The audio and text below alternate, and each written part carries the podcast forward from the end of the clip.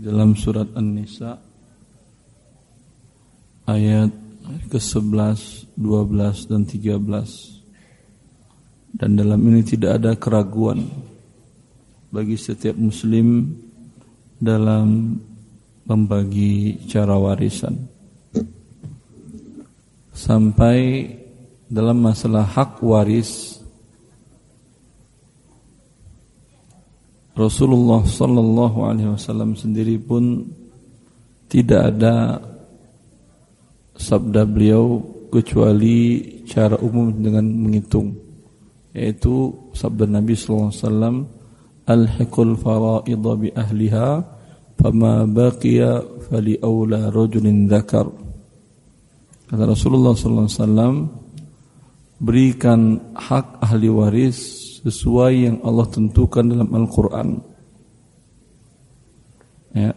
Allah menentukan bagian anak laki-laki, bagian anak perempuan, bagian istri kalau meninggal suami, bagian suami kalau meninggal istri, bagian bapak dan ibu ditentukan oleh Allah Azza wa Jal.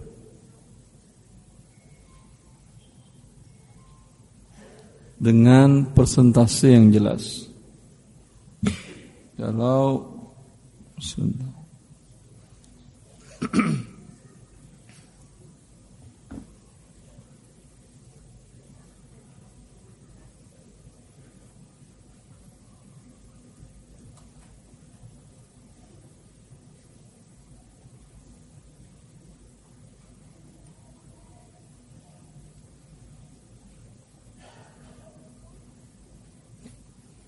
Kalau kita baca firman Allah Azza wa Jalla dalam surat An-Nisa ayat 11 kata Allah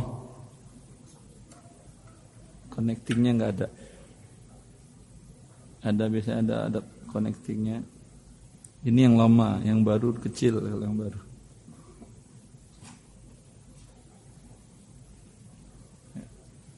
Allah Azza wa Jal tinggal tinggal untuk ambil Quran bagi yang nggak hafal karena sudah hafal alhamdulillah Aha. Surah An-Nisa ayat 11, ayat 12, 13, 14. Kata Allah Azza wa Jal. Allah mensyariatkan bagimu tentang pembagian pusaka untuk anak-anakmu. Ya. Allah mensyariatkan. Kalau itu adalah pernyataan dari Allah yang tidak bisa ditakwil dan dipindahkan maknanya maka seorang hamba yang beriman bahwa Allah adalah Rabbnya Allah yang menciptakannya Allah memberikannya rezeki dan Allah juga yang mengatur cara pembagian rezeki tadi termasuk di antara rezeki adalah hak waris kata Allah Azza wa Jalla Yusikumullah fi auladikum lizzakari mithlu hadzil unsayain. Allah mewasiatkan kepada kalian, lihat, Allah mewasiatkan kepada kalian dalam anak-anak kalian, pembagian waris untuk anak-anak kalian. Ya. Kalau Allah yang berwasiat dan Anda berwasiat, Anda katakan kepada anak-anak, kalau bapak meninggal atau bapak wafat, kalian jangan kelahi bagi waris ya. Bagi aja sama rata. Itu wasiat anda. Lalu kata Allah dalam Al-Quran, Allah telah berwasiat anak-anak kalian. Laki-laki semisal bagian dua anak perempuan. Artinya laki-laki dua bagian, perempuan satu bagian. Kalau satu anak laki-laki, satu anak perempuan, maka anak laki-laki mendapatkan dua per tiga, anak perempuan mendapat sepertiga. Lalu tadi anda berwasiat bagi rata jangan ribut. Ya, wasiat siapa yang diterima? Wasiat anda sebagai makhluk atau wasiat Allah? Wasiat Allah. Ya, ini wasiat Allah menjelaskan seperti itu. Kemudian Allah jelaskan lagi, itu kalau ada anak laki, ada anak perempuan. Dalam kasus anak laki-laki tidak ada. Fa in kunna nisaan fawqa ithnatain falahunna thulutha ma tarak. Bila anak-anak tersebut semuanya perempuan dan jumlahnya dua atau lebih, maka untuk anak-anak perempuan ini dua per tiga dari seluruh harta yang kalian tinggalkan. Jelas?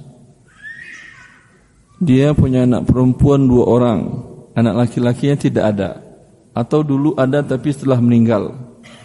Ya, berarti anak perempuan langsung mendapatkan dua per tiga dari keseluruhan harta ayah atau bapaknya. Tapi kalau ada anak laki-laki, maka bagian anak laki-laki dua bagian, anak perempuan satu bagian. Dalam kasus tadi, anak laki-laki satu orang, perempuan dua orang, dibagi berapa hartanya? Bagi empat, ya.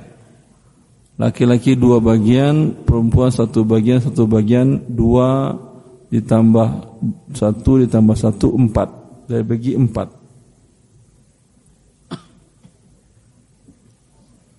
Ini penjelasan Allah. Wa in kanat wahida falahan nis. Dan jika adalah mereka perempuan itu hanya anak perempuan saja dan jumlahnya satu orang untuk dia satu per dua dari keseluruhan harta. Ini Allah jelaskan dengan angka yang tidak bisa kita tarik-tarik maknanya. Maka sering orang beralasan Ustaz itu kan kalau dalam adat kita kan lain Ustaz. Kita kan orang Padang adatnya lain Ustaz. Harta semua untuk anak perempuan kalau pusako tinggi. Ya. Saya alhamdulillah orang Minang juga. Ibu saya sukunya Tanjung, Bapak saya sukunya Koto. Tetapi kita akan siapa pun Anda, di mana pun Anda, apa pun suku Anda, kita akan diciptakan oleh Allah. Tunduk dengan aturan Allah. Ya. Kemudian biasanya pertanyaannya yang sudah terjadi bagaimana Ustaz? Sekarang harta itu di tangan siapa? Berarti di tangan anak perempuan kan ya? Kalau dengan anak perempuan berarti dia menzolimi saudara laki-lakinya. Bagikan haknya dia. Tadi si laki-laki tadi dia berwasiat kepada anak-anak-anaknya. Ini pusaka rendah, bukan pusaka tinggi umpamanya. Tetap bagi rata kata dia. Ya, berarti yang perempuan mengambil lebih dari haknya. Iya atau tidak? Karena dia cuma satu bagian, yang anak laki-laki dua bagian. Maka ketika dia telah mengambil dan dia nggak ingin ribut, tapi dapat dia umpamanya satu laki-laki satu anak perempuan dibagi rata, hartanya umpamanya tiga miliar, dibagi satu setengah satu setengah, ya. Perempuan ini mengambil walaupun wasiat bapaknya tadi, Perempuan ini berarti dia mengambil lebih dari haknya berapa? Setengah. Iya atau tidak?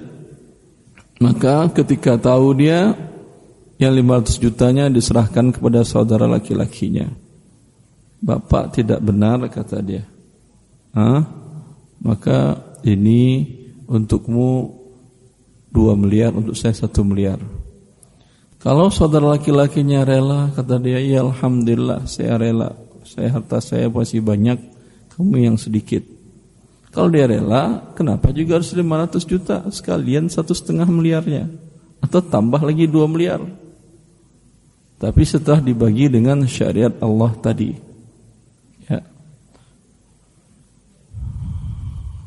Kemudian kata Allah, wali abawaihi likulli wahidin minhuma sudusu mimma tarak. Kedua orang tuanya orang tua yang meninggal masing-masing mereka mendapatkan seperenam dari apa yang ditinggalkan oleh yang meninggal ini jika yang meninggal ini punya anak. Seorang wafat bapak ibunya masih hidup dan dia punya anak laki dan perempuan berapa untuk bapak dan ibunya Hah? Seperenam itu ibu, seperenam untuk bapak. Ini kata Allah. Dan seperti yang saya katakan tadi, setiap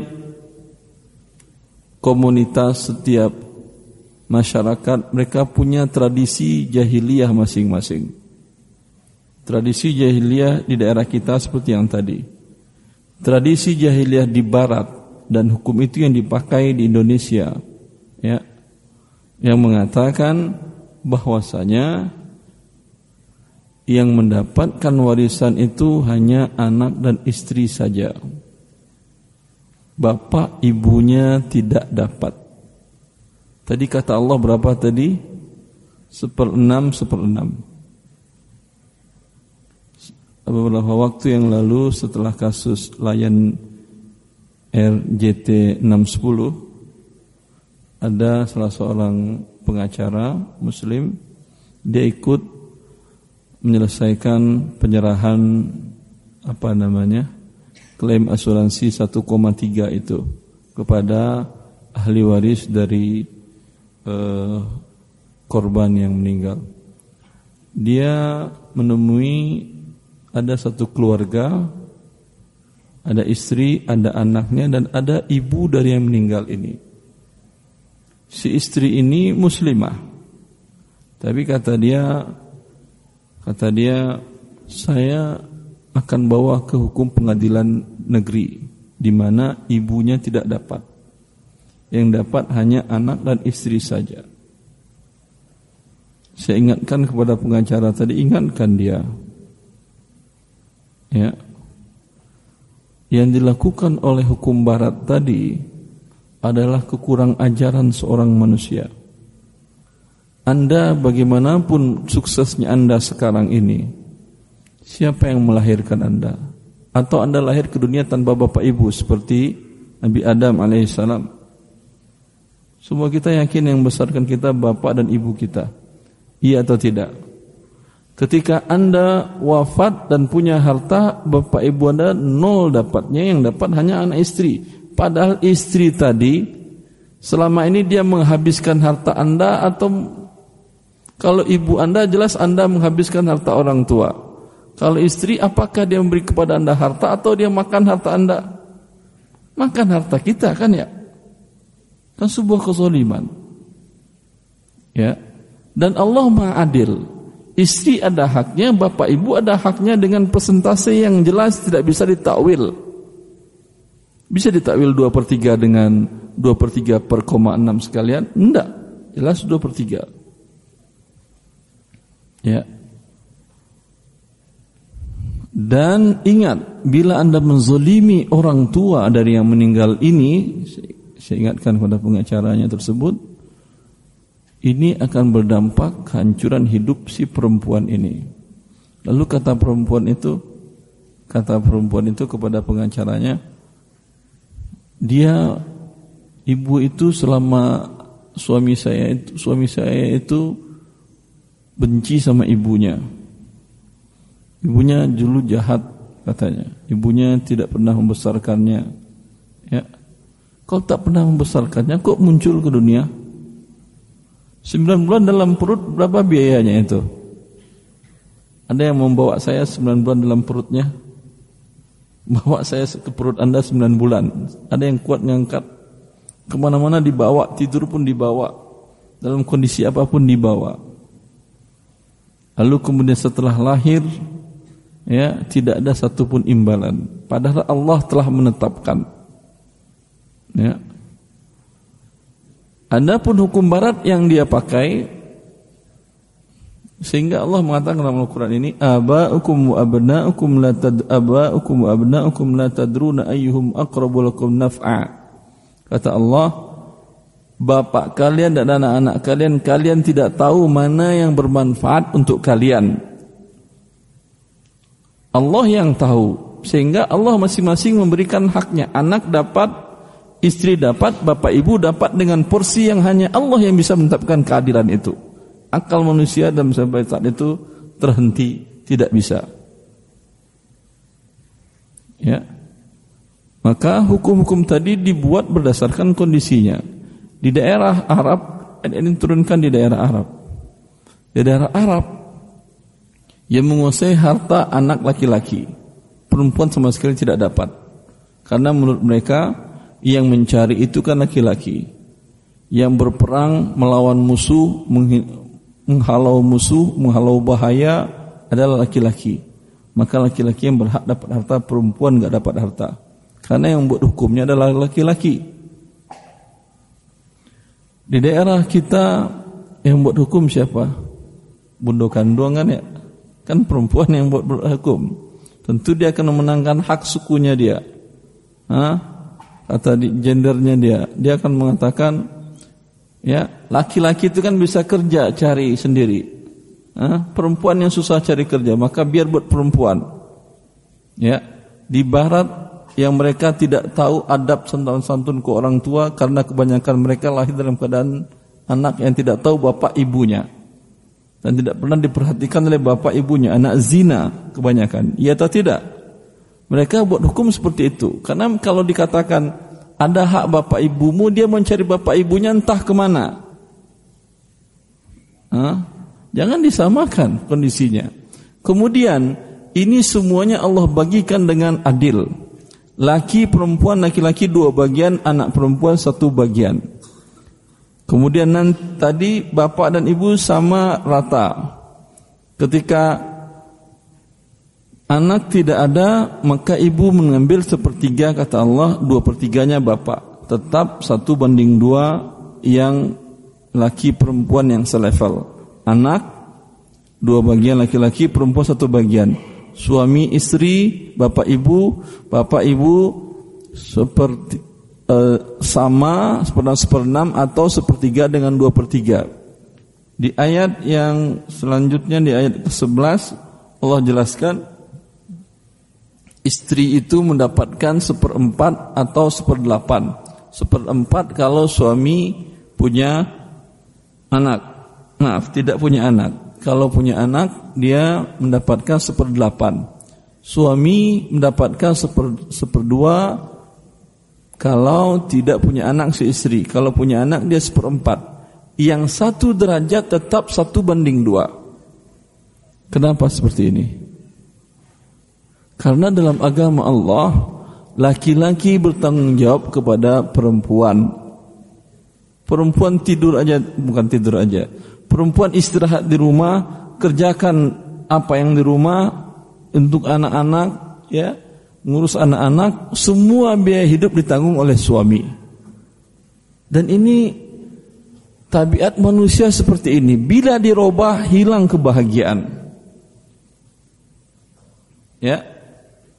Artinya ketika laki-laki anak laki-laki dua bagian, anak perempuan satu bagian, bila saudari perempuannya dalam keadaan susah mungkin menjanda atau suaminya menzolimi dia, tidak memberikan nafkah yang cukup untuk dia. Anda anak laki-laki wajib memberi nafkah kepada saudari Anda itu seperti Anda memberi nafkah kepada anak istri Anda. Di sana karena itu Anda berhak mendapat dua bagian. Kalau tidak Anda tanggung biaya hidupnya, Allah memurkai Anda. Tadi bapak dengan ibu, bapak mendapat dua per tiga, ibu sepertiga. Karena bapak bertanggung jawab kepada ibu. Ya atau tidak? Suami istri juga begitu. Maka Allah Maha hadir dalam masalah ini. Ada kas, kisah yang menarik ketika waktu terjadi perang Teluk ini diceritakan oleh salah seorang dai di Kuwait Nabil Al-Audi namanya. Dia mengatakan Waktu itu pada perang Teluk ada seorang perwira menengah dari Inggris pasukan multinasional seorang perempuan seorang perempuan Kaum muslimin di Kuwait membuat acara-acara khusus berisi pencerahan-pencerahan agama, ceramah-ceramah agama. Laki-laki di satu kemah, perempuan di satu kemah. Lalu si perwira menengah ini, wanita ini berbangsa berkebangsaan Inggris ini ingin masuk ke kemah tenda laki-laki dilarang oleh kaum laki-laki. Kata dia, apa peduli kalian? Saya perwira. Bawahan saya puluhan laki-laki. Tetap diberikan kesabaran sampai dia mau pindah ke tenda laki-laki. Lalu masuk dia ke sana. Dia lihat perempuan semuanya pakai cadar, pakai tutup aurat, Lalu dia bertanya, kalian begini bisa bekerja? Dijawab oleh perempuan-perempuan Kuwait itu, kami kaum muslimat tidak ada bekerja. Di rumah aja, pekerjaan rumah, mengurus anak, mengurus suami ketika pulang. Tidak berarti kalian tidak kerja cari uang. Tidak. Kata mereka. Enggak percaya dia. Kata dia kalau tidak percaya, tanya seluruh wanita-wanita yang lewat di jalanan mereka pergi kerja atau tidak?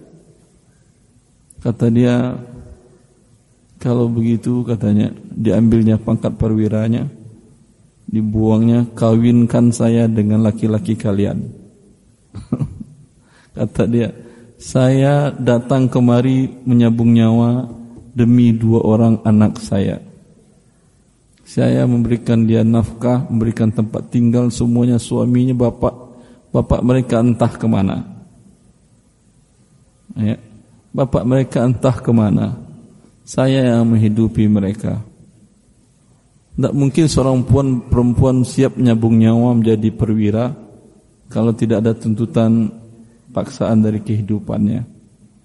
Enak kita kaum muslimah kan ya kaum muslimin. Laki-laki yang bekerja, perempuan yang di rumah sehingga seimbang kehidupan tersebut. Dan ini fitrah manusia. Oleh karena itu tanggung jawab laki-laki kepada perempuan besar. Maka Allah berikan kepada dia dalam harta warisnya lebih besar daripada perempuan. Jelas? Ya. Ini semuanya dalam Al-Quran jelas pembagian masing-masing kata Allah. Dan di ayat ke-13 Allah mengatakan tilka hududullah wa man yuti'illaha wa rasulahu yudkhilhu jannatin tajri min tahtiha al-anhar khalidina fiha wa dhalikal fawzul azim. Kata Allah hukum-hukum tersebut hukum-hukum tersebut berarti hukum waris. Karena ayat ini setelah ayat waris tadi. Itu adalah ketentuan dari Allah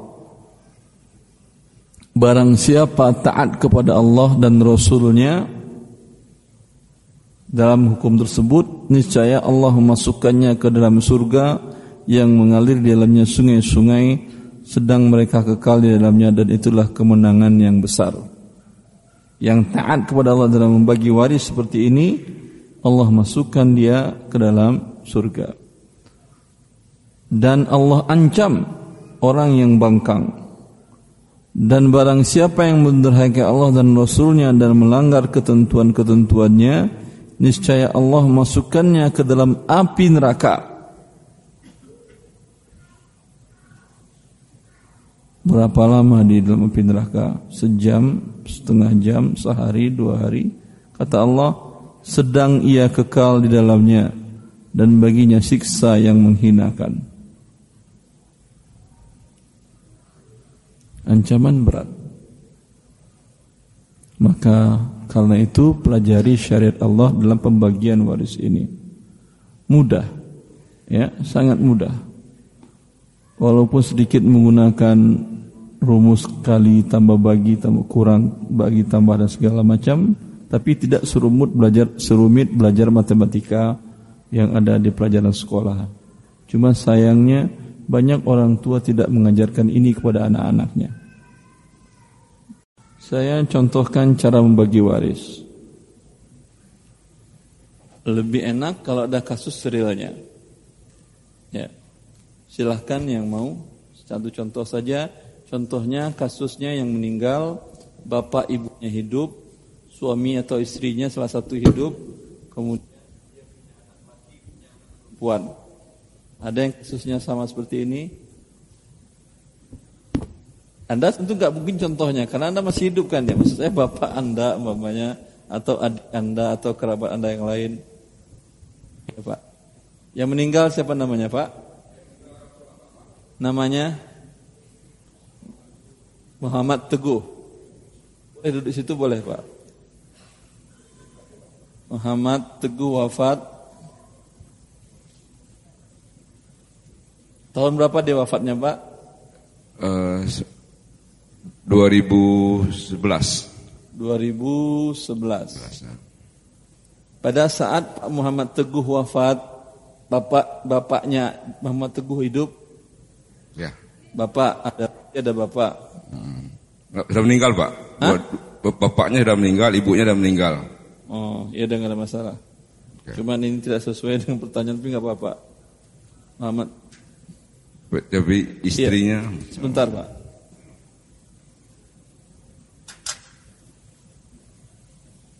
Ya, ketika 2011 Gu wafat, istrinya ada. Masih hidup. Statusnya masih istri atau sudah bercerai? Masih istri. Berapa orang jumlahnya? Satu istri. Satu. Satu. Istri. Kemudian ada anak laki-laki dan anak perempuan? Empat laki-laki, empat perempuan. Ini anaknya. ketika 2011 ini ya. hidup empat delapan delapannya. Delapan delapannya. Empat anak laki Empat anak, anak perempuan, perempuan ya. Pembagian masing-masing Tadi kata Allah untuk istri berapa Ada anak berapa Seper delapan Ini kata Rasulullah Apa kata Rasulullah tadi Al-Hikul faraidah bi ahliha Berikan bagian dalam Al-Quran tadi sesuai dengan pembagian Allah, sisanya bagian kepada yang terdekat. Laki-laki yang terdekat di sini ada anak laki-laki bergabung anak perempuan dengan pembagian satu banding dua. Ya, berarti di sini delapan sudah bisa kita ambil KPK-nya delapan. Delapan, satu delapan, satu. Sisa berapa? Tujuh. Tujuh. Tujuh akan dibagikan anak laki-laki berapa bagian? Dua bagian, berarti empat kali dua, delapan tambah empat, dua belas. Dua belas. Akan dibagikan kepada dua belas bagian. Ada pecahan kan ya? Iya atau tidak? Iya. Berarti dua belas sekarang dikali delapan, berapa hasilnya? Hah? Sembilan enam? Sembilan enam. Sembilan enam ini dua belas satu kali 12 ini masing-masing laki-laki kan dua bagian. 7 kali 2 14 14 14 14 14 perempuan 7 7 7 pas 96 harus pas kalau nggak pas yang salah bukan saya coba tambahkan pas atau tidak di 96 40 42 uh, 42 28 70 Pak 80 ah, pas. Pas. Pas. Alhamdulillah. Sekarang Pak Teguh tadi meninggalkan perkiraan berapa aset kekayaan yang milik pribadi dia. Uh, waktu itu sebidang tanah yang dan rumah Akhirnya kan kita uh, sepakat adik-adik mau dibagi semua uh, lebih kurang sekitar 2 M gitu. 2 M. Ya. 2 M dibagi 96. Berapa satuannya? Maaf, 96. Berapa satuannya? 200 200 20 juta 20 juta 803 00 gitu ya. 333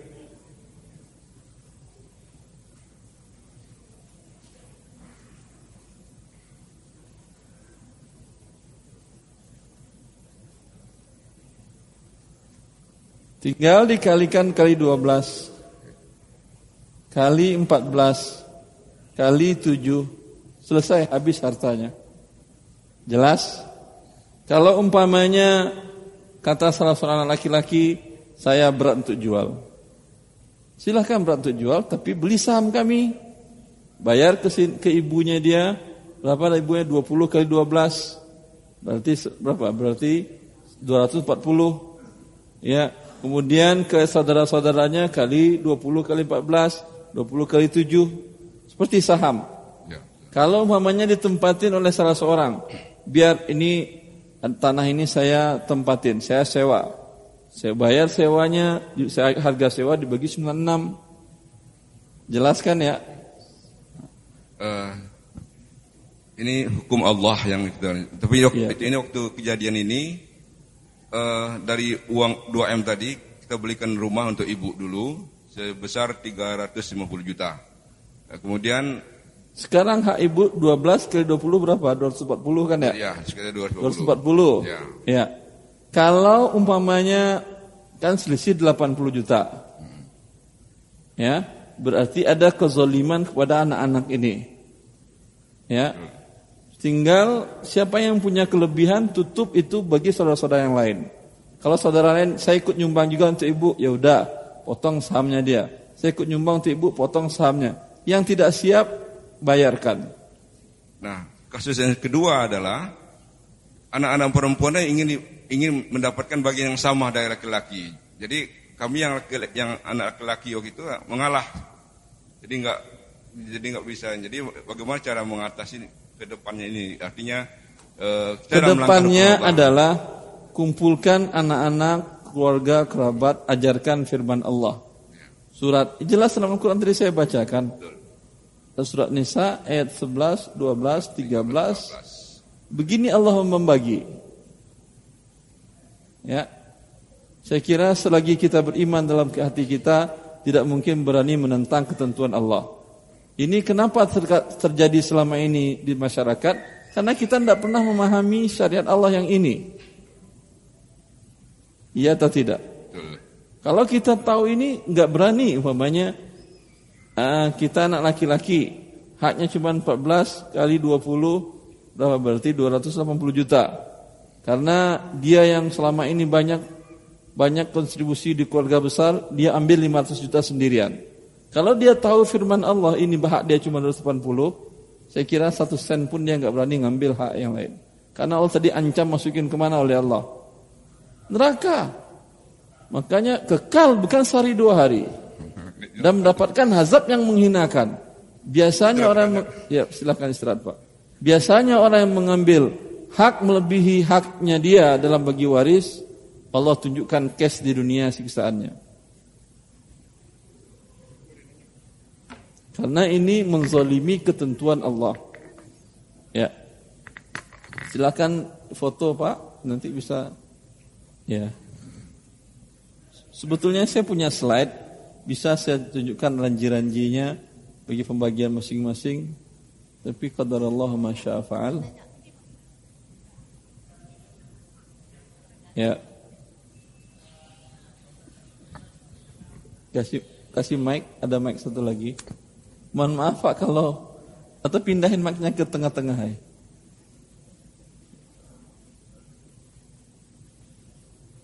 Bisa dipindahin ke tengah-tengah. Assalamualaikum warahmatullahi wabarakatuh. Salam. Terima kasih Pak Ustadz.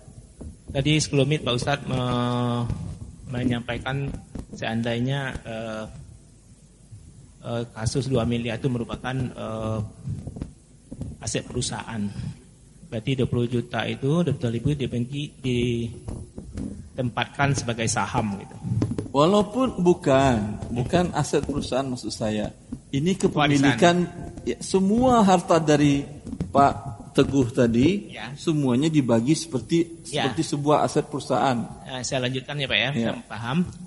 namanya PT kan saham Pak ya. Jadi ya. ditempatkan jadi saham begitu. Lanjutan dari PT itu tentunya kalau sepakat semua ahli waris uh, atau uh, sepakat bagian waris untuk jadi saham otomatis kelanjutannya perusahaan namanya perusahaan berjalan terus kemungkinan untung atau rugi gitu kan Pak. Jadi perhitungan waris ini juga bisa digunakan dalam pembagian keuntungan jika perusahaan itu untung atau pembagian kerugian jika perusahaan itu rugi karena jadi jadi switch atau di konversi jadi saham. Mohon penjelasannya Pak Ustaz. Assalamualaikum warahmatullahi wabarakatuh. Uh, bukan maksud saya menjadi konversi saham. Saham yang saya maksud umpamanya kalau dalam kehidupan sehari-hari kita beli umpamanya beli laptop ini harganya semiliar. Bapak ikut kita beli bersama boleh Ustaz. Bapak ada uang berapa? Saya 900 juta Ustaz. Ya udah, saya 100 juta. Berarti kita miliki bersama Bapak 90%, saya 10%. Kalau sehari-hari mungkin saya lebih banyak menggunakan, berarti saya bayar hak Bapak 90%. Suatu saat saya punya uang, ya, saya katakan Pak, kayaknya Bapak kan jarang pakai, saya yang sangat butuh. Bagaimana kalau saham Bapak 90% tadi saya beli? Boleh Pak Ustadz, tapi sekarang kan laptop ini sedang mahal harganya, 1,2.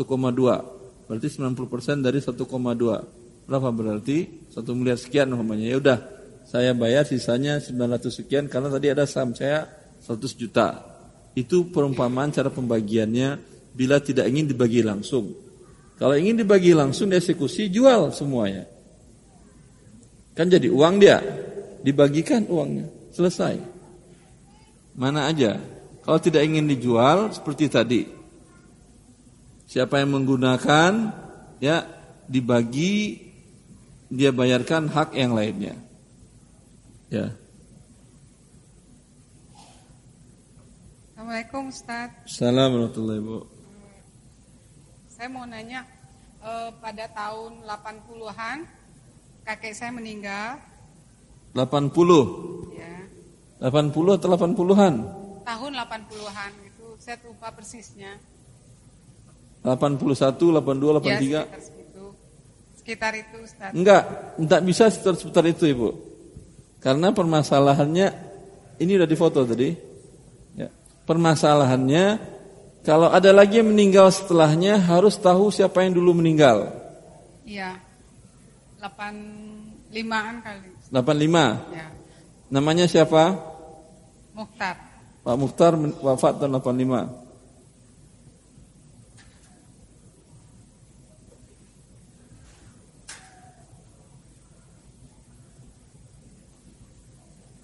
Terus? Terus tahun 89 saya punya anak empat laki-laki. Tahun 89 Anda punya anak laki-laki? Bukan tahun yang Pak Mukhtar punya anak empat laki-laki. Tahun 85 Pak Mukhtar ketika wafat? Anaknya empat laki-laki. Sekarang mau bagi warisannya ini Bu? Iya. Pak Mukhtar ini ada meninggalkan harta? Ada. Ada. Karena kalau tidak ada nggak perlu dibagi. Iya. Kalau meninggalkan hutang malah dibayar. Wajibkah kita membayarkan hutang orang tua? Wajib. Wajib. Tidak. Tidak. Kalau dia tidak meninggalkan aset yang cukup, asetnya ada umpamanya 2 miliar, tapi ternyata hutangnya ada 2,5. Tidak ada bagi waris, semuanya dibayarkan ke hutangnya, sisa 500 juta. Kalau Anda mampu Anda bayarkan hutang orang tua, alhamdulillah. Jelas? Kalau Anda tidak mampu, tidak ada kewajiban Anda. Kecuali Anda menjadi penjamin kepada pihak yang memberikan hutang tadi. Lalu hutangnya bagaimana statusnya? Ya, Anda tidak mampu bayar gimana? Kalau Anda bayar, Anda nggak bisa lagi untuk meneruskan hidup Anda. Hilang berarti hak si.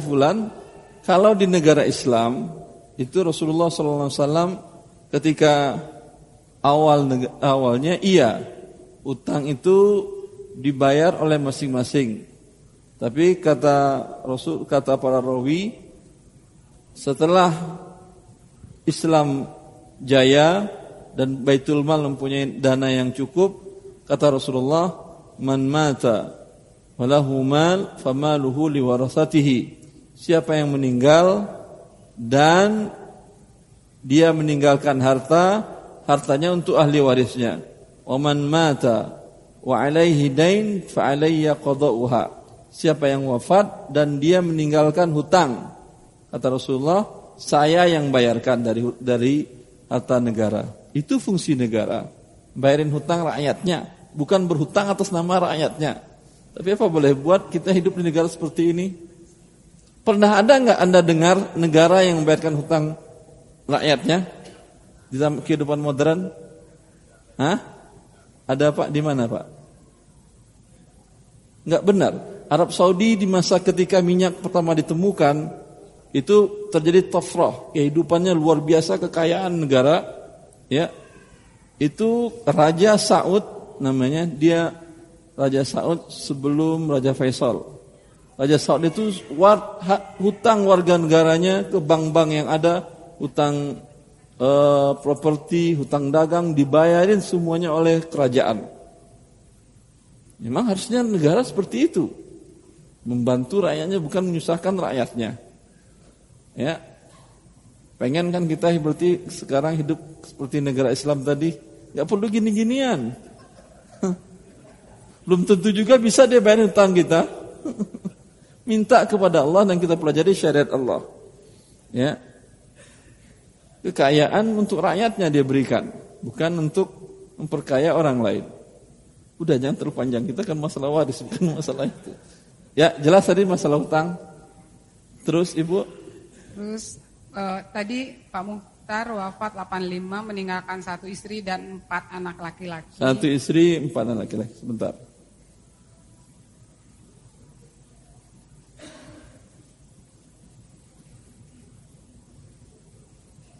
Empat anak laki-laki, anak perempuan ada?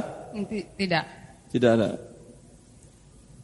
Bapak Ibu Pak Muhtar sudah meninggal atau masih ada? Sudah meninggal. Sekarang kita bagi? Oh, belum Ustaz. Kenapa belum bagi? Sekarang saya bagi. Belum, saya masih mau lanjut dulu, boleh? Terus? Uh, terus uh, istri beliau ini anak perempuan satu-satunya dan mempunyai banyak sawah. Istrinya ini? Mm -mm. Istri Pak Muhtar? Ya. Yang dibagi harta Muhtar bukan harta istrinya, istri kan masih hidup. Bukan, uh, saya masih mau lanjut ke bawah, boleh Ustaz? Ah, saya duduk dulu kalau mau ke bawah. Terus? Uh, pas Pak Mukhtar wafat, nggak dibagi. Terus? Pada tahun 89, salah satu anak dari almarhum Pak Mukhtar meninggal. Yang mana yang meninggal? Anak pertama.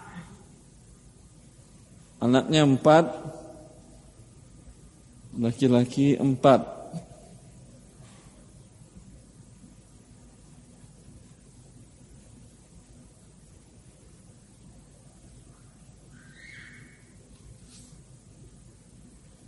Ini wafat.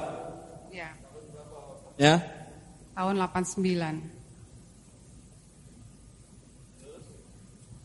Terus Pada siapa lagi yang tahun wafat? Tahun 2002. Siapa yang wafat lagi? Istri beliau. Istri wafat tahun 2002.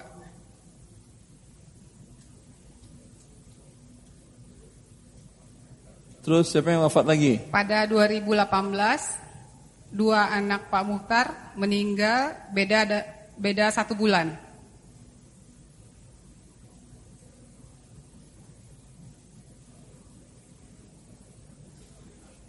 Terus? Anak yang anak yang kedua dan keempat yang masih hidup anak ketiga. Mana aja lah ini kan gak saya sebutkan namanya. Iya. Ah, tinggal sisa satu. Yang ini meninggal juga udah.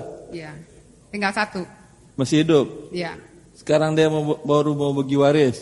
Iya, saya mau tanya waris bagaimana gitu. Ini diurut satu-satu ibu. Satu kasus satu kasus. Ini berarti kasus pertama Pak Mukhtar, kasus kedua ini, kasus ketiga ini, kasus keempat kelima ini. Lima kali skema. Jelas? Pertama kita bagi dulu harta Pak Muhtar. Seperdelapan, kemudian sisa. Sisa tujuh. Dibagi empat, berarti delapan, Satu tujuh kali empat sama dengan berapa? Tiga dua. Tiga dua. Kemudian sini berapa jadinya di sini? Tiga dua bagi empat. Tiga dua bagi delapan. Empat. Sini tujuh kan ya? Tujuh, tujuh, tujuh, tujuh. Jelas? Jelas. Kemudian ini harta muhtar dibagi dulu. Setelah itu harta siapa lagi yang dibagi? Harta ini yang dibagi. Harta anak yang wafat 89. Hartanya ditambah 7 ini. Dia punya harta yang lain ke anak ini? Yang tahun 89 ini punya anak yang punya harta yang lain nggak dia? Anak yang meninggal tahun 89 itu adalah bapak saya. Iya, punya harta nggak dia pada waktu itu? Nggak ada, malah meninggalkan hutang. Malah dia punya hutang. Nggak ada berarti yang dibagi. Tapi kan ada tujuh ini bagian dia. Nggak dibagi. Iya, tidak dibagi iya, tapi ini sekarang hak dia akan dibagi ketika dia wafat. Masalah eksekusinya itu urusan Anda, yaitu bukan urusan saya. Saya bukan polisi, bukan pengadilan. Saya ustadz mengajarkan mana yang benar, mana yang salah. Jelas? Ini yang sekarang dibagi karena ini tidak ada hartanya. Berarti 7 per 32 ini. Ini dibagi dalam bentuk pembagian ibunya hidup berarti kan ya? Ya, kan kan ibu 2002 ada ibu. Istrinya ada ketika itu ketika dia wafat? Ada. Satu apa lebih? Satu. Anak laki-lakinya berapa? Dua. Anak perempuan? Tiga. Dua anak laki-laki. Tiga anak perempuan.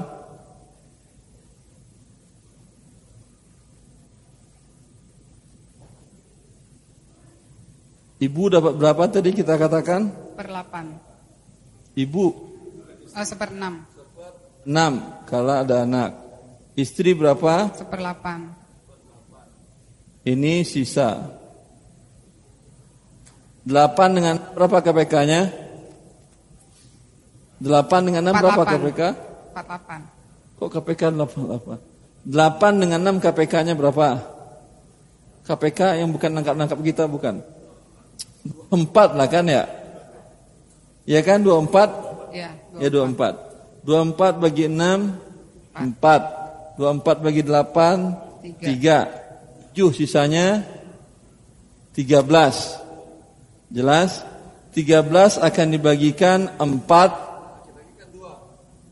Dua kali dua empat tambah tiga tujuh akan dibagi tujuh. Tujuh kali dua empat saya mohon maaf agak cepat mungkin. Tapi Anda pedagang, kalau pedagang kan cepat kayak begini. kalau nggak cepat begini pulanglah, berarti lebih rugi dagangnya. Hah? 7 kali 24 berapa? 1, 6, 8. 7 kali 4, 28. 7 kali 3, 21. Kemudian anak laki-laki, 13 kali 2, 26. 26. Anak perempuan 13 13 13 Ini harta anak yang wafat apa 7 ini dibagi 168 Sebagian dapat ibunya. Ya, bertambah harta ibu tadi dari empat bagian ada di situ empat bagian lagi dari 168. Kemudian wafat di tahun 2002 wafat istri ini atau si ibu ini. Wafat 2002, saat itu dia nikah lagi atau tidak? Saat ini dia nikah lagi dengan tidak? Tidak. Ah, berarti tidak punya suami. Tidak. Bapak ibunya hidup? Tidak. Sudah meninggal? Sudah. Yang ada hanya anak laki-laki? Tiga. Tiga. Cuman dibagi tiga hartanya udah gampang kalau ini mah. Jelas? Jelas. Semua hartanya dibagi tiga. Hartanya dibagi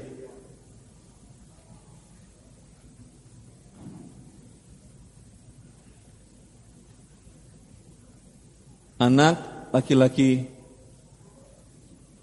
Jelas? Jelas Ustaz. Sekarang ini 2018 wafat ini Ya kan? Iya. Ketika ini wafat kan ibunya sudah meninggal Berarti tidak ada lagi bagian ibu Tinggal hanya bagian istri dengan anak-anak Iya. Bisa dikerjakan? Alhamdulillah kalau bisa Selesai? Ustaz. Terima kasih. Allah berfik Foto ini ibu Iya. Sebentar. Foto ibu, silakan foto itu biar selesai urusannya.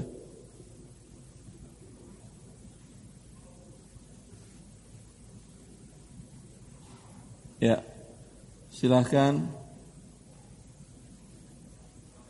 Salam warahmatullah. Pakai mic kalau bisa. Laki-laki berdiri di situ, berdiri di situ. Assalamualaikum Ustaz. Salam warahmatullah. Barakallahu fiik Ustaz. Allah barik fiik. Mau nanya Ustaz, satu keluarga menjalankan bisnis dengan Satu keluarga dia menjalankan bisnis dengan usaha me keluarga, menjalankan bisnis bisnis dengan usaha keluarga Ustaz. dengan Usaha keluarga Ustaz ber, beramai-ramai. usaha bersama keluarga. Iya. Terus Eh, dan salah satu anak misalnya pengen dia pengen mandiri gitu Ustaz. anak apa? Salah satu anak dia pengen mandiri usaha sendiri gitu Ustaz. Jadi Terus? lepas dari usaha keluarga Ustaz. Jadi eh, dia minta modal sama orang tuanya. Minta modal. Ya, Kok minta? minta modal sama orang tuanya Ustaz. Tadi kan usaha bersama, nggak ada uangnya di situ dia. Jadi awalnya usaha keluarga Ustaz. Jadi salah satu anak dia pengen usaha sendiri dan minta modal sama orang tuanya Ustaz. Narik modal. Minta minta modal sama orang tua Ustaz. Tadi kan ada usaha keluarga. Yes. Yang anak yang mau pisah ini nggak ada saham di situ. Keluarga. Iya keluarga, tapi kan dia bekerja di situ. Otomatis ada sahamnya nggak di situ? Jadi baginya secara dikasih orang tua aja Ustaz. Jadi nggak ada hitungan secara berapa persen ini dapat berapa persen ini nggak nggak ada gitu Ustaz. Udah dikasih sekarang.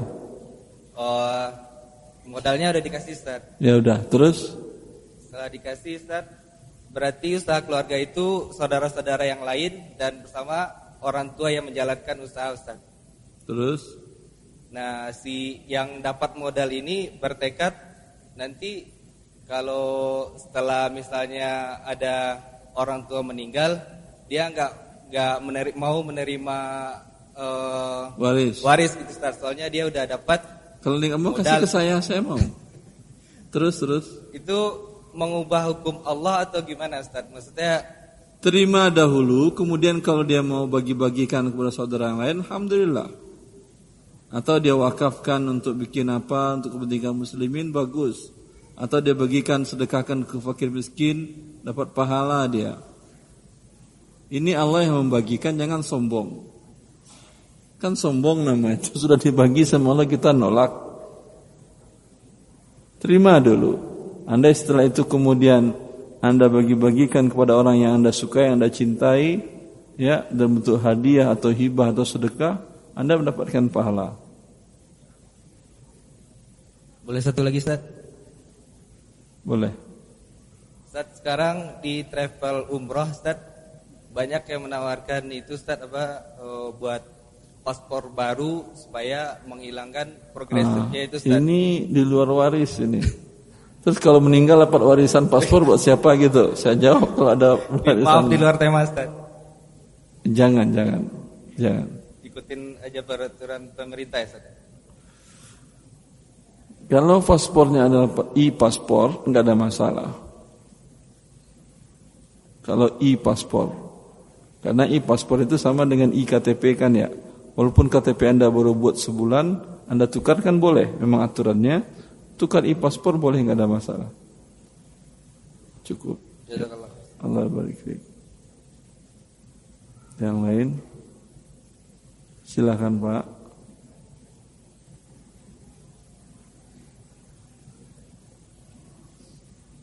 Assalamualaikum Ustaz. Assalamualaikum warahmatullahi wabarakatuh. Um, yang mau saya tanya ini kakak saya. Iya. Kakak saya tahun kemarin itu meninggal. Ya, sebentar ya. Ini pembahasan waris tidak rumit. Saya katakan tadi, asal anak bisa tulis baca, menghitung kali bagi, sudah bisa dia mengerti. Ini yang kita ajarkan, yang kita wariskan harusnya ke anak-anak kita. Saya pernah mengumpulkan anak saya yang paling tua itu perempuan kelas 1, kelas 10. Yang nomor 2 kelas 7. Nomor 3 kelas 6. Kemudian yang nomor terakhir kelas 4. Tapi sudah bisa kali bagi.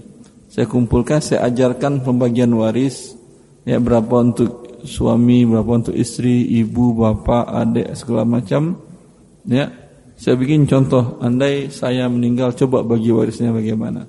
Mereka kerjakan bisa. Saya katakan kalau saya wafat atau ibu kalian wafat, kami tidak redho kecuali kalian bagi seperti yang Allah perintahkan. Ya, itu yang harusnya kita lakukan bukan dengan membuat syariat baru dengan bagi rata. Ya, silakan. Ya, terima kasih Ustaz. Jadi tahun kemarin kakak saya meninggal, uh, tidak punya anak. Uh, kita mau kerjakan? Uh, atau anda mau coba? Boleh? Boleh. Kalau salah saya perbaiki. Saya belum belum nah, tidak berani ya tidak ada masalah. Jadi punya ya. uh, tidak punya anak. Yang wafat ini namanya siapa? Uh, Khaliza. Faiza. Khaliza. Khaliza. Khaliza. Perempuan berarti. Perempuan. Kakak saya paling tua. Ah. Bentar. Khaliza wafat tahun berapa? Tahun 2018. Faliza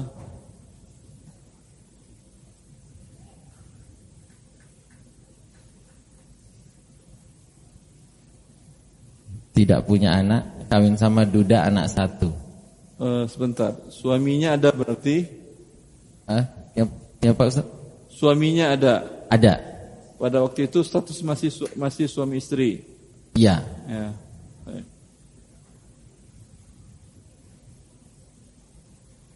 Suami. Suami. Suaminya punya anak satu perempuan. Anaknya kan bukan anak Khaliza, ya. itu nggak dapat. Oh iya. Nggak dapat waris karena bukan anak Khaliza. Iya. Uh. Paham. Nah ini memang di keluarga saya sendiri ini kakak Cuma saya. suami aja, bapak ibunya masih hidup. Ibu saya masih ada. Bapak? Udah nggak ada. Nah, ibu. Ibu saya sekarang masih ada. Sebentar, 90. ibu. Ya. Kemudian anak tidak ada, suami. Ya, ini ini ada kelebihan. Coba kita lihat, ibu sepertiga. Suami berapa? Satu. Seper dua, bukan satu, seperdua. Iya. Kan nggak punya anak. Ada sisa kan ya, seperenam ya. kan ya. Ini untuk siapa? Untuk saudara saudari Khalizah. Hmm. Pada saat dia wafat, Bismillah. Anda berapa orang laki-laki, berapa perempuan selain Khaliza? Uh, laki-laki ada yang hidup ya Ustaz ya? Iya. Ya. Yang hidup sekarang ada laki-laki ada lima. Lima so perempuan ada ada lima. Ada ada tinggal empat. Empat saudari perempuan. Ya, tiga dengan dua berapa? Enam bisa? Enam. Sini berarti dua, tiga. Lima kan ya, sisa satu.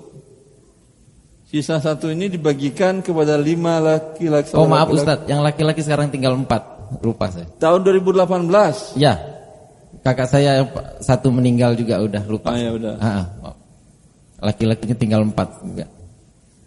4 kali 2 tambah 4 berapa? Berarti 12 4 kali 2 8 kan ya? 8 tambah 4 12 Itu akan dibagikan ke 12 bagian. Berarti 6 dikali 12 sama dengan 72 Hah? 72 2 kali 12 24 3 kali 12 36. Kemudian di sini satu dua laki-laki dua dua dua dua perempuan satu satu satu satu pas tujuh dua dibagi ini hartanya ada hartanya Ya. nah, Hartanya berupa rumah aja. Ustaz. Kalau mau dijual sekarang dibagi tujuh dua kalau mau ditempatin salah satu suaminya menempatin umpamanya Ya. silahkan dia nikah lagi tapi bayar ke ibu Khalizah ibunya anda ya 24 bagian kemudian ke anak saudara laki-lakinya ke anda dapat dua bagian dua bagian dua bagian saudari dapat satu bagian satu bagian satu bagian Ya. Makasih Ustaz. Allah foto foto sebelum lupa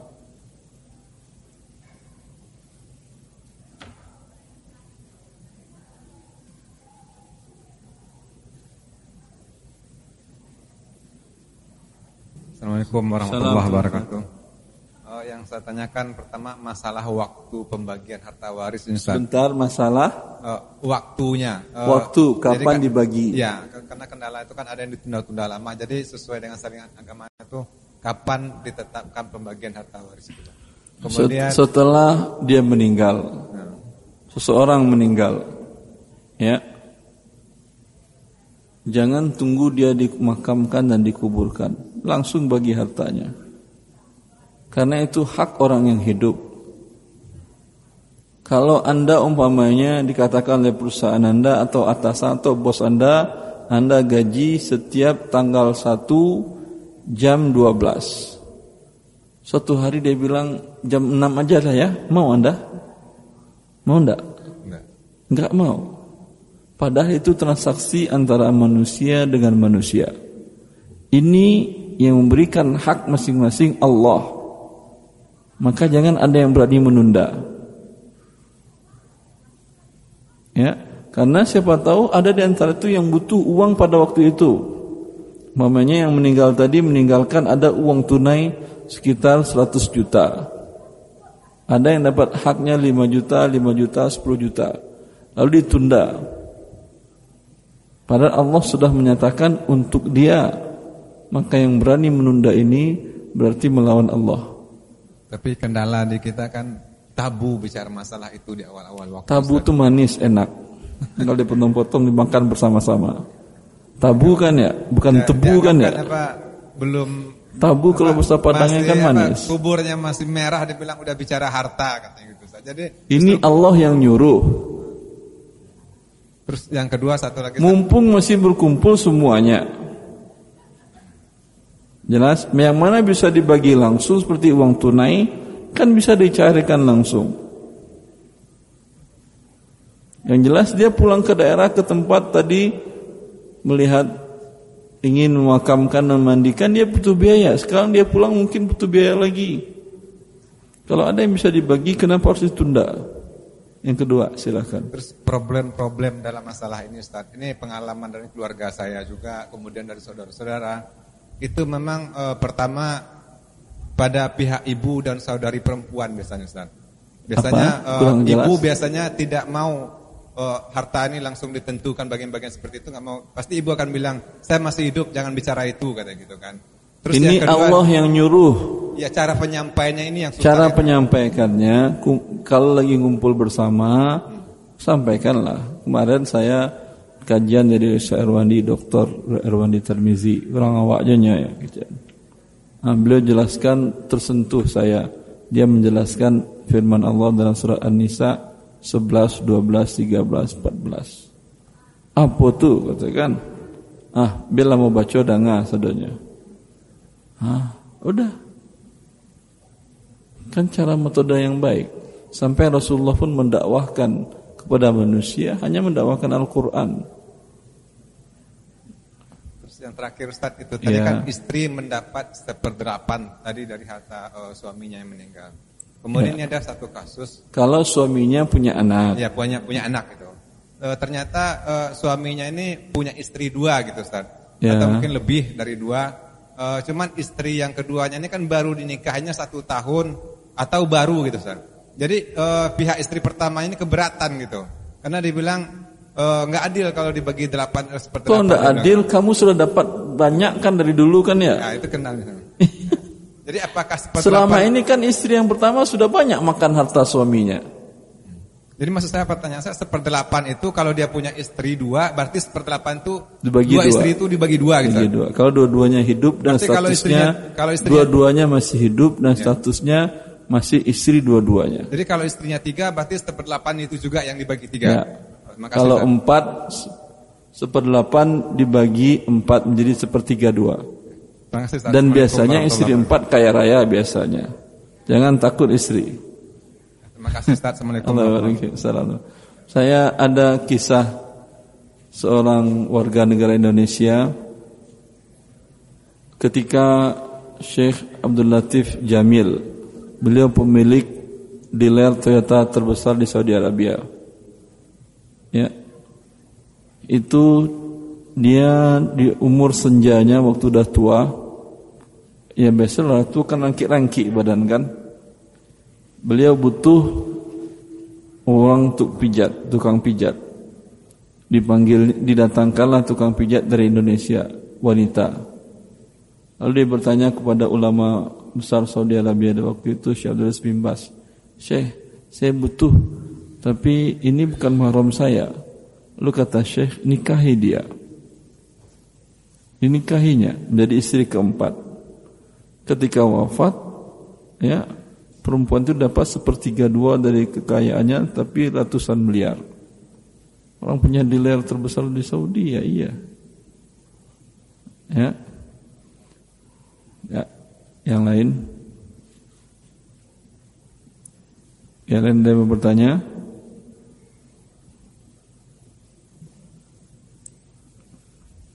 Ada yang bertanya? Silakan. Assalamualaikum warahmatullahi wabarakatuh. Assalamualaikum warahmatullahi wabarakatuh. Ini di luar tema Ustaz. Masalah ngambil toko, Ambil, ngambil toko tanah abang di beli toko atau ngambil? oh, ngontrak toko. Ngontrak toko. Iya. Eh, si A ini mau nambah toko lagi. Si A Ah, mau nambah sewa lagi atau ngambil? mau mau buka cabang lagi. Ah, terus Terus dia punya teman. Si A cuman punya barang. Yang ngambil tokonya temannya.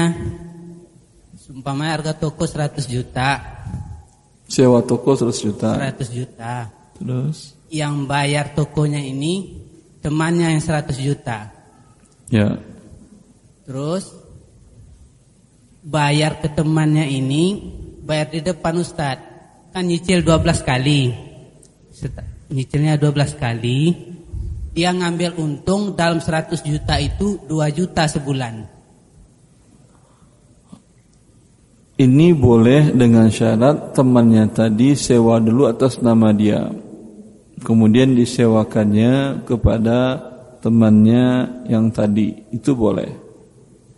Tapi kalau umpamanya yang berakad dengan pemilik toko adalah temannya tadi, kemudian si A yang bayarkan, nanti kemudian yang ngambil toko ini membayar lebih 2 juta, di sini riba. Paham? Paham atau tidak? Belum paham.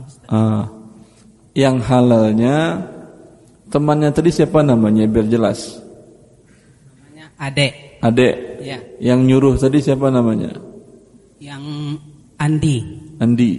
Si Andi suruh, "Dek, sewalah toko itu olehmu." Ya.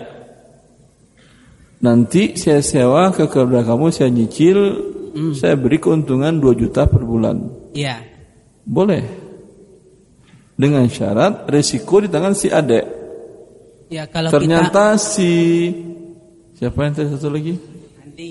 Ternyata Andi merasa tidak cocok setelah satu bulan. Wah tempatnya tidak bagus ini. Di sudut sepi segala macam gelap. Orang malas itu bau dan segala macam. Ya. Lalu kata si Andi, saya nggak jadi cuma sebulan aja ngontrak. Iya si adek lah yang rugi. Iya, diambil lagi, diambil lagi sama adek toko itu.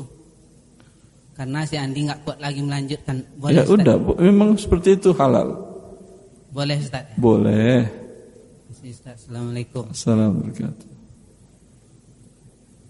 Silahkan. Assalamualaikum warahmatullahi wabarakatuh. Assalamualaikum warahmatullahi wabarakatuh. Ustaz, uh, saya mau nanya, apakah boleh orang tua yang masih hidup uh, membagi-bagikan hartanya ke anaknya yang masih hidup? Kalau dia masih hidup, menghibahkan hartanya ke anak-anaknya boleh, tapi tidak boleh dikaitkan dengan pembagiannya nanti kalau saya meninggal ya. Hah? Kalau ini namanya wasiat. Kalau wasiat tadi Allah wasiat Allah dipakai. Tapi kalau dia masih hidup, dia punya toko 10. Ya. Ah, yang satu untuk anak ini. Gitu. Yang satu untuk anak ini, yang satu untuk anak ini, yang satu untuk anak ini, toko ini buat ini, buat ini, buat ini, ya. diserah terimakan langsung boleh. Tapi kalau kata dia selagi ayah kalian hidup, abak kalian hidup, ah, untuk abak sadonya, lah meninggal bisa ambil lah, tidak boleh. Oh, termasuk rumah juga gitu. Ya. Rumah diperuntukkan untuk anak perempuan, toko untuk anak laki-laki seperti itu? Boleh, kalau Anda setuju dan nilai untuk anak laki-laki boleh rata, boleh dua banding satu. Kenapa boleh rata? Karena Anda masih hidup, namanya bukan waris, namanya hibah. Mau hibah rata boleh boleh. Terima kasih. Allah barik Silakan terakhir. Assalamualaikum warahmatullahi wabarakatuh. Assalamualaikum warahmatullahi wabarakatuh. Uh, jadi gini Pak Ustaz, ayah saya meninggal tahun 96. Iya. Meninggalkan dua rumah. Ma? Uh, ada meninggalkan dua rumah. Dua rumah. Terus ada beberapa ruko. Uh, kita bertujuh, dua laki-laki, lima perempuan. Dua laki-laki, lima perempuan. Iya. Istri ayah anda satu. pada waktu hidup? Uh, istri ayah eh, masih hidup satu. Satu. Uh, orang tua udah nggak ada. Bapak ibu dari anda sudah nggak ada. Sudah nggak ada. Bentar, uh, kita kerjakan di situ. Uh, insya Allah sih hitungan tinggal. Ya. Paham terdengar itu. Insya Allah. Cuman, uh, untuk pembagian rumah dan ruko tersebut karena ruko untuk berusaha sampai sekarang alhamdulillah masih berjalan. Ya. Itu bagaimana tuh Pak Ke ke ke ruko dan rumah ini dipakai oleh salah seorang atau disewakan atau diapakan? Enggak, jadi rumah ini satu rumah dipakai untuk usaha, usaha, usaha orang tua, yang satu rumah dipakai sama ibu, yang ruko-ruko dijalankan sendiri dengan uh, usaha keluarga. Beramai-ramai. Iya. Yang rumah dipakai ibu mungkin anak-anak rela. Ada anaknya satu di situ. Ya, berarti dia nempat di situ. Tinggal bila pembagian sudah selesai, sudah jelas seperti itu, tinggal katakan hak masing-masing sudah jelas ya, jelas. Umpamanya si perempuan menguasai yang ini, boleh. Apa kompensasinya terjadi sewa menyewa atau jual beli hak? Jelas. Yang penting pembagian tadi jelas. Ya. Ya. Allah. Uh, maksudnya jadi ruko-ruko tadi kan kita hanya menghitung aja Pak Ustadz kan karena kan kita belum bisa membagikan karena ruko ini masih berjalan untuk untuk usaha ya, keluarga ini. Berjalan untuk usaha kan ya. ya? Nah. Berarti kan nggak sewa rukonya. Enggak. Ya enggak dan ini untuk semuanya. Untuk semuanya jatah uh, perhitungan yang tadi tetap kan Pak Ustadz ya? Iya, tetap. Uh, maksudnya untuk yang rumah yang dua ini kita tidak membagikan saat uh, saat itu orang tua meninggal kan Pak Ustadz. Apa kita harus rumah itu kita jual uangnya kita bagi ke ahli waris atau bagaimana Pak Ustadz? Boleh juga kalau ada ahli waris yang butuh uang tunai tentu dijual secepatnya. Masalah ibu seperti yang tadi kan ibu ada saham di situ. hasil penjualan milik ibu kan bisa beli rumah mungkin lebih kecil. Hmm. Ngapain dulu besar-besar? Jelas. Terus uh, yang kedua Ustaz, saya punya satu istri, dua orang anak, perempuan dua-duanya. Uh, saya pernah dengar kalau saya meninggal, jadi harta saya itu ada jatah dari abang saya yang laki-laki, apa benar? Sebentar, bapak ibu anda masih hidup atau belum? Uh, Oke, okay. saat ini ibu saya ada. Ibu anda dapat itu seperenam. Sa Istri seperdelapan, okay. anak perempuan berdua dua per tiga. Dua per tiga, dua per tiga. Bukan dua per tiga, dua per tiga dibagi dua. Oke. Nah. Ya, dua per tiga seperdelapan berarti 16 ditambah 3 19 kan ya? Sisakan 5 dari 24 nyambung. Nyambung. ah sisa 5 dari 24 5 ini untuk siapa? Ibu masih hidup. Ibu masih. ibu dapat seperenam Seperenam dari seperenam dari lima. 24 berarti 4 Oh. Oh, oke. Nah, sisa, satu, lagi kan ya Satu. satu ini saudara saudari anda ada yang hidup Eh, ada eh, lima perempuan, satu laki-laki. Satu laki-laki berarti dibagi tujuh. Dua per satu yang tadi satu per dua puluh empat dibagi tujuh, yang laki-laki dua per tujuh, yang perempuan sepertujuh, sepertujuh, sepertujuh, sepertujuh. Jelas? Berarti eh, semua kakak saya dapat dari eh, peninggalan saya gitu Pak. Iya. Oke. Baik. Terima kasih Pak. Assalamualaikum warahmatullahi wabarakatuh. Dengan hukum waris ini, sehingga hubungan keluarga kekerabatan jadi kuat. Semuanya dapat. Baik. Cukup. Terakhir ke sana. Terakhir terakhir. Assalamualaikum Ustaz. Assalamualaikum. Kalau masalah hibah Ustaz. Hibah. kalau hibah itu boleh nggak dibaginya nggak sama rata gitu Ustaz. Jadi Hibah saya dari pernah ayah. dengar hadis itu kalau Rasulullah mendengar eh, hibah nggak sama rata itu Rasulullah nggak bakal bersaksi atas hibah yang nggak sama rata. Bukan tidak sama rata hadis Nu'man bin Bashir. Hadis Nu'man bin Bashir itu seorang bapak memberikan hadiah hanya hibah hanya kepada salah satu anak. Yang lain tidak. Jelas. Ini bapak zolim. Maka Rasulullah tidak mau menjadi saksi. Hah? Tapi kalau semuanya dapat sama rata laki dan perempuan sebagian para ulama membolehkan karena ini bukan waris pembagian ayah. Jelas, yang penting dapat semuanya tidak ada yang terzolimi. Walaupun nggak sama rata ya Ustaz. Walaupun tidak sama rata. Ayah lihat yang ini kondisi sudah mapan sehingga dibagi sekian. Yang ini jauh dari mapan diberikan lebih. Tidak ada masalah. Allah barik fiik. Sama juga seperti anak-anaknya, yang satu sekolahnya S2, yang satu SD. Apakah ayah harus bayar uang sekolah sama? Tidak. Yang satu sehat, yang satu sakit. Apakah ayah mengeluarkan biaya sama? Tidak. Itu yang bagian dari keadilan. Cukup insyaallah. Ha? Subhanakallah wa bihamdika asyhadu an la ilaha. Assalamualaikum warahmatullahi wabarakatuh.